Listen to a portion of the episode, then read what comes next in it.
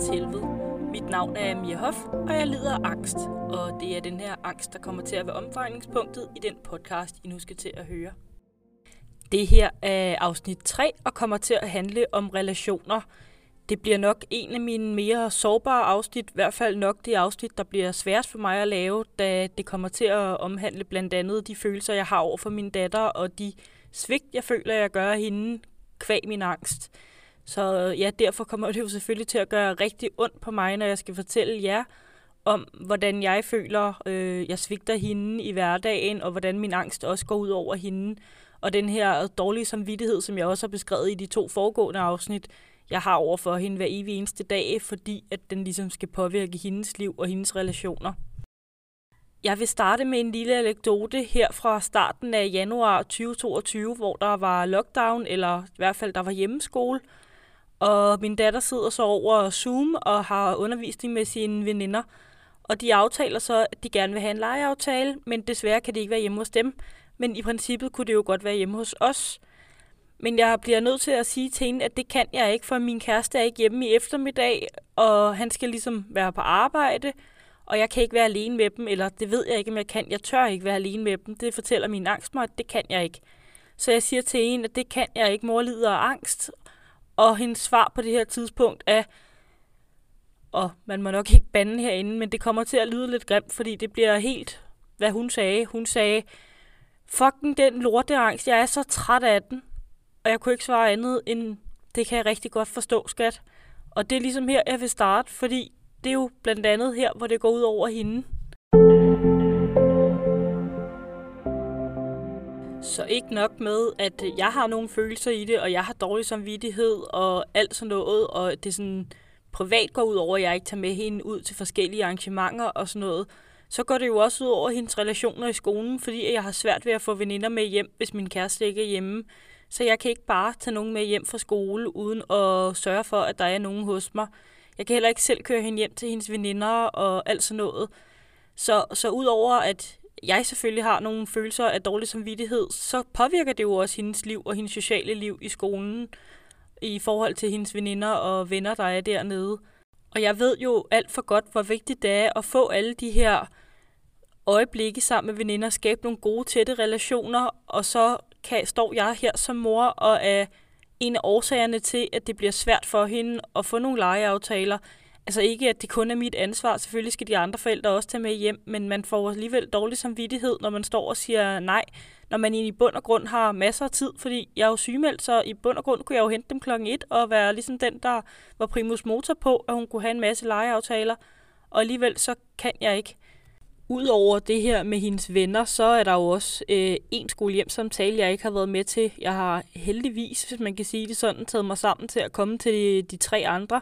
Men den sidste kunne jeg simpelthen ikke dukke op til.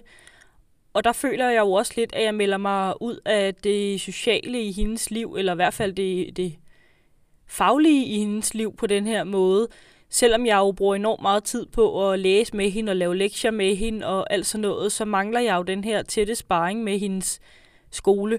Og det er jo også, fordi jeg ikke selv har afleveret og hentet hende det seneste halve år. Det skal jeg så i gang med nu. Øh, jeg har fået mig et kørekort her i onsdags i starten af februar måned. Og derfor så øh, skal jeg til at øve mig nu på at aflevere hende om morgenen og hente hende om eftermiddagen. Så det er jo min lange seje kamp, som hun jo også skal se mig tage nu og det er ikke bare naturligt for mig. Øhm, måske skulle jeg ikke have dårlig samvittighed over, at det er så svært, men, men det har jeg virkelig. At hun nu skal se mig kæmpe endnu en kamp. Hun var egentlig så sød her øh, i går, da vi sad og snakkede om det, hvor hun siger til mig, at selvfølgelig skal jeg nok lære det, og hvis jeg øver mig rigtig mange gange, så kan du.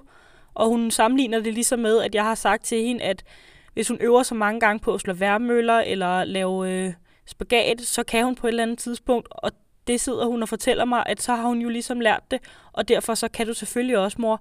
Og mit hjerte smeltede ikke. Men det skal jo ikke komme fra mit barn, at hun skal hæppe på mig. Men det gjorde hun, og jeg er enormt stolt af den empati, hun udviser.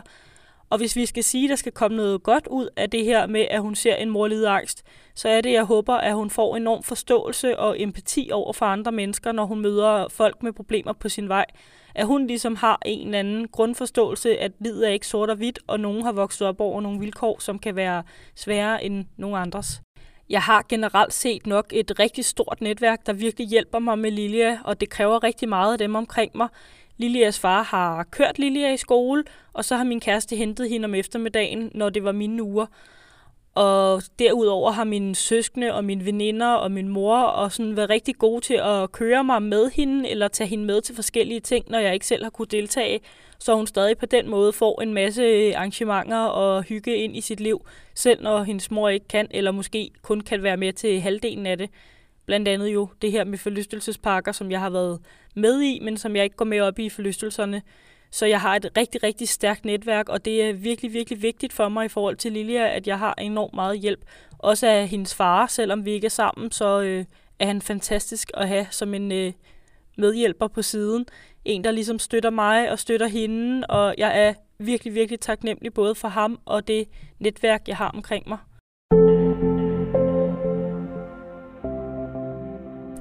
Det jeg selv gør i min hverdag, det er at spille meget med åbne kort over for hende. Det vil sige, at jeg fortæller hende, at jeg lider af angst, at det ikke har noget med hende at gøre, og at det ikke er hendes ansvar, og der sidder nogle læger og hjælper mig, og lige nu er der også noget medicin, der hjælper mig.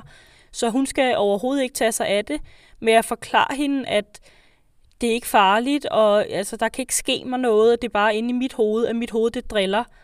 Den ene dag havde hun spurgt min mor, om jeg skulle dø af det, fordi jeg lige gik væk, fordi jeg skulle altså kaste op, da vi stod nede og skulle se julemanden 1. december. Der var virkelig mange mennesker. Og så kigger hun på min mor og siger, skal mor så dø nu? Og min mor får ligesom forklaret hende, at nej, det skal jeg ikke. Og selvfølgelig den samtale tager jeg jo op med hende senere, fordi så har hun jo misforstået noget om, man kan ikke dø af angst. Og det må jeg ligesom forklare hende, at der sker mig altså ikke noget. Det er kun inde i mit hoved. Derudover har jeg forklaret hende, at det er hospitalet, der hjælper mig. Her hos os, der kalder vi det tankehospitalet, for ligesom man kan være syg og ligesom være på hospitalet, fordi man er fysisk syg, så kan man også være syg i tankerne. Jeg synes, at tankehospitalet er en rigtig sød måde at beskrive det på. Det her med, at man er syg i tankerne, og der derfor sidder nogle læger og hjælper en med tankerne inde i hovedet, der driller. Vi snakker nemlig rigtig meget om, at mit hoved det driller, og det er den måde, jeg ligesom prøver at forklare og i talsæt på, hvad det er, der er svært for mig. At det er bare noget, der foregår inde i mit hoved. Og det kan jo være rigtig svært for hende at forstå, men det er vigtigt for mig, at hun forstår, at det handler ikke om hende, og det handler ikke om nogen andre. Det er bare noget, der foregår ind i mit hoved. Det er ikke noget, der smitter, og det er ikke noget, man kan dø af. Men, men det er jo rigtig svært for hende at sætte sig ind i, og derfor kommer der jo sådan nogle udbrud med, at hun er træt af min lorteangst, og hvorfor skal du altid have det så fucking svært, kan hun også få sagt nogle gange. Og specielt her, når hun er blevet ældre og virkelig forstår konsekvensen af, hvad det ødelægger i hendes liv, at jeg lider angst, kan der komme nogle udbrud. Jeg prøver at sige til hende, at jeg jo sagtens forstår hende, men jeg bliver også samtidig rigtig ramt, må jeg jo vente om at sige jeg viser hende ikke, hvor ramt jeg bliver, men jeg er jo rigtig ked af, at jeg ikke kan være der for hende og gøre alt det, som alle de normale sidder her og laver gåseøjne. Forældre kan gøre sammen med deres børn. Fordi jeg har jo selvfølgelig også normalt på nogle andre områder, og ja, altså, jeg er jo god til at sidde og læse med mit barn og lave øh, dansk og matematik og lektier, og jeg går meget op i at deltage i det, jeg kan derhjemme. Så på den måde kan jeg måske noget andre, som andre måske ikke bruger så meget tid på. Jeg bliver i hvert fald nødt til at prøve at rose og anerkende mig selv for der, hvor at jeg giver en masse til hende, når jeg nu ikke kan på nogle andre områder. Så øh, ja, vi skal i hvert fald finde os psykisk syge nogle veje, hvor vi kan føle, at vi gør det godt nok, at det er der, hvor vi ligesom kan bidrage til vores børns liv. Lilia kan også nogle gange få sagt til mig, at hun er ked af det på mine veje, at hun er ondt af mig, og hun gerne vil hjælpe mig. Og der er det enormt vigtigt for mig at fortælle hende, at det er ikke hende, der skal hjælpe mig. Det står der nogle andre, der skal gøre. Det er et voksens ansvar, og det er ikke hendes ansvar. Det skal hun slet ikke tage på sig. Men hun siger jo, at det er synd for mig, og at jamen, hun håber, at hun kan tage det væk. Og hun kan også nogle gange, hvis jeg bliver meget stille, eller er i angsten sådan øh, fjern, så spørger hun mig, driller hovedmor? og sådan kuk kuk, og så begynder hun at blive fjollet, og noget, hvor jeg også må forklare hende, at det ikke er hendes ansvar at sørge for, at jeg ligesom bliver glad igen, fordi det handler ikke om hende, og jeg er der lige om to minutter. Og det synes jeg faktisk, hun er blevet bedre til at forstå og acceptere, efter at hun ligesom er blevet lidt ældre og bedre forstår, at, eller måske i hvert fald har fået gentaget nok gange, at det ikke er hendes ansvar, at det er rigtig pænt af hende, hun vil hjælpe mig. Men, men det skal der en voksen, der skal gøre, og jeg skal også nok selv klare den, fordi det er ikke farligt.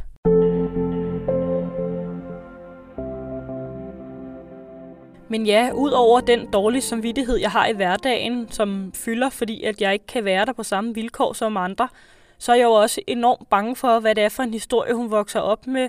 Om hun føler sig afvist, svigtet, ikke god nok eller et eller andet andet. Det er jo et ret tydeligt faktum, at folk med psykisk sygdom, alkoholmisbrug, øh, stofmisbrug eller andet, altså at det på en eller anden måde påvirker de her børn. Der findes jo flere eksempler på børn, der vokser op og siger, min mor hun var deprimeret og lå altid i sofaen, eller Lilia kan sige, min mor hun havde svært ved at komme ud af døren og gøre de her forskellige ting for mig. Så et eller andet vil hun jo med have med i sin bagage, og det er jeg jo meget, meget bevidst om, og enormt ked af, at jeg skal byde hende, at allerede nu ved jeg, at hun kommer til at have en eller anden historie i form af, at hendes mor er psykisk syg på trods af den kæmpe, kæmpe omgangskreds, jeg har i, så er jeg jo stadig den primære omsorgsperson, der burde vise hende, at man kan hele verden. Og jeg håber lige, at med mine ord, som siger, du kan, hvad du vil, og du skal bare øve dig, at hun tager dem mere til sig, end det her faktisk viser. Men jeg ved jo godt, at vejen til at vise børn tingene er jo ved at gøre det selv, og der kan jeg jo desværre ikke være det forbillede, der viser hende, at jeg kan det hele for det kan jeg desværre ikke. Jeg er kontrolleret og styret af mit hoved og min angst. I nogle perioder mere end andre selvfølgelig. Øhm, lige nu er det rigtig meget, og jeg skal til at øve det hele forfra.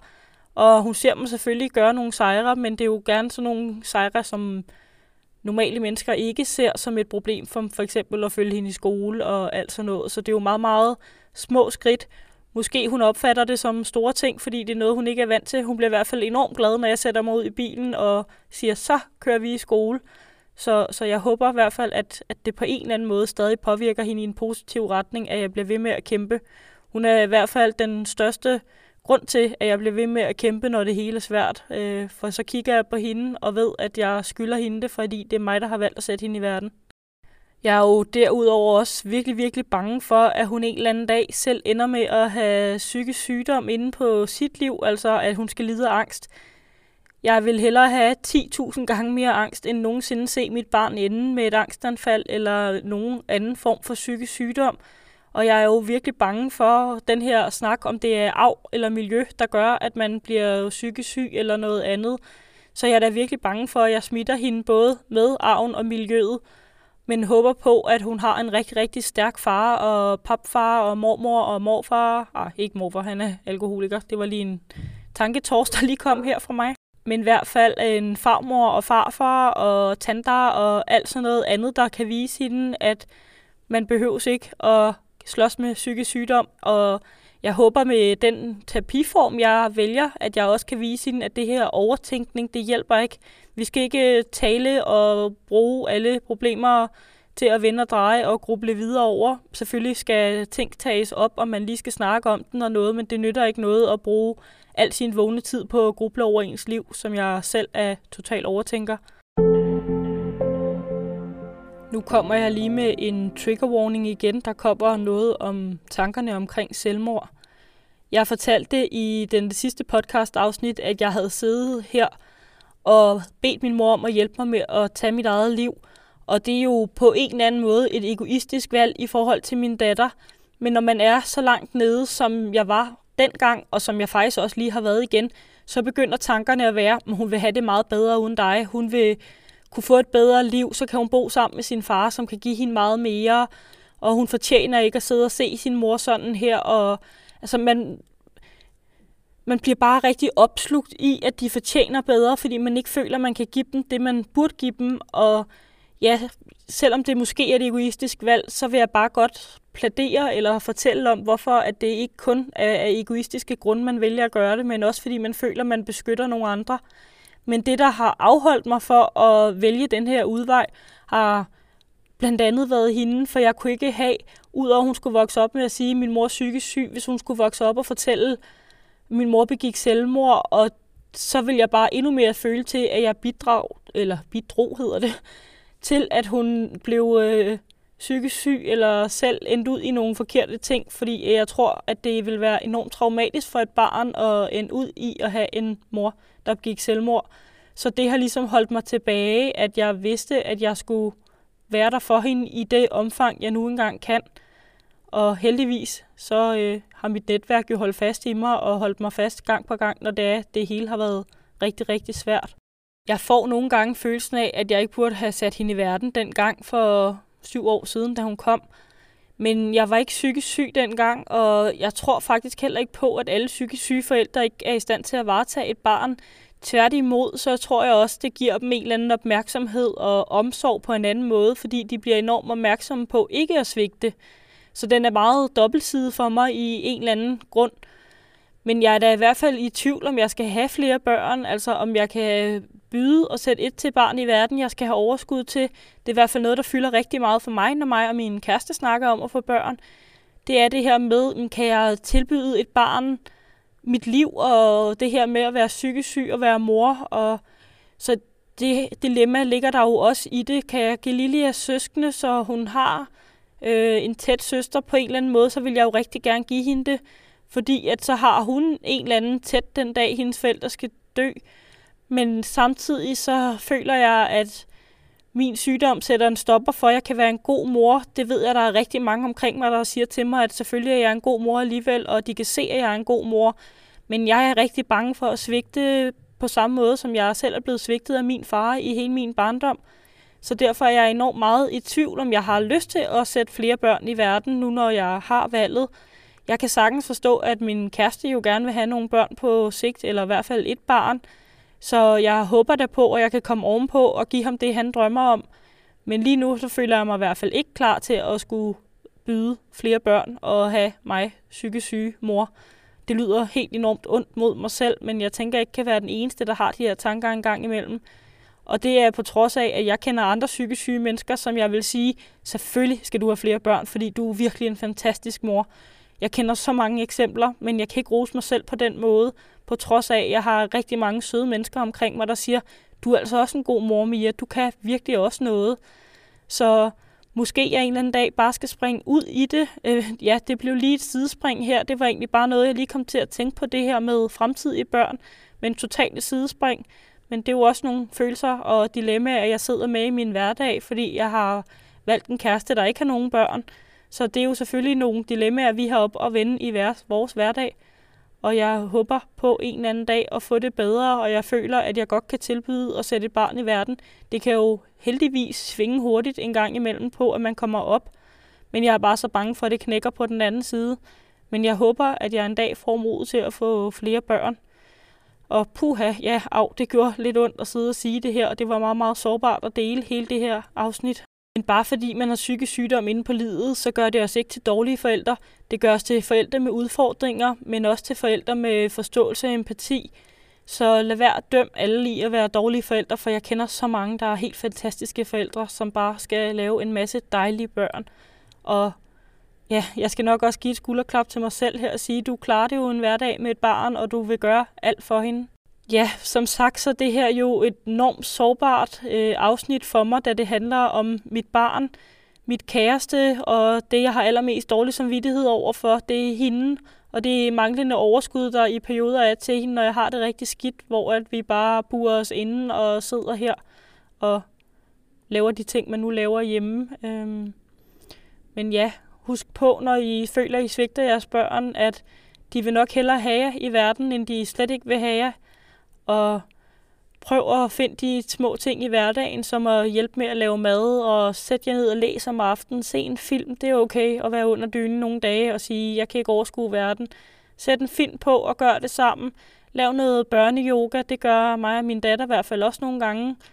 Øh, hænge gyngen op i stuen, så I kan være sammen indenfor, og prøv at få nogle små ting ind i hverdagen, der kan give jer en eller anden form for samhørighed og hygge, I kan gøre sammen det var egentlig meningen, at det her afsnit skulle handle om relationer til andre end kun mit barn, men ja, tiden fløj afsted, så det kommer til at tage udgangspunkt i mit øh, morskab, om hvordan jeg er mor og de følelser og tanker, jeg har omkring det. Så jeg tænker, at vi tager et nyt afsnit næste gang, som går lidt i dybden med relationer i forhold til øh, min mor, som er min største klippe, min kæreste, som er min næststørste klippe, og så mine søskende og mine venner, som ligesom også er med mig i hverdagen og støtter mig igennem tygt og tyndt og samler mig op gang på gang. Jeg håber, I vil tage rigtig nænsomt imod det her afsnit, da det nok er det mest sårbare afsnit, jeg kommer til at lave. Det går meget, meget tæt på min dårlige samvittighed og alle mine fejl og mangler som mor over for mit barn. Øhm, så jeg håber, I vil sende en masse omsorg min vej, en masse omsorg til andre psykisk syge og alle andre, der kæmper med ting over for deres børn. Det kan sådan set også være fysisk sygdom, der dræner folk så meget, at de ikke føler, at de bliver ordentlige forældre. Men jeg føler nogle gange, at de får en bedre forståelse for, hvorfor at de ikke kan gøre det ordentligt, end os, der er psykisk syge, gør. Vi er lidt mere øh, blevet påduttet, at det kan vi bare ikke finde ud af. Men jeg vil i hvert fald slutte det her. Jeg har også fået varme ind under mit lydstudie, som er mellem to stole og noget her. Så øh, jeg håber, I har det rigtig godt og rigtig god dag. Hej!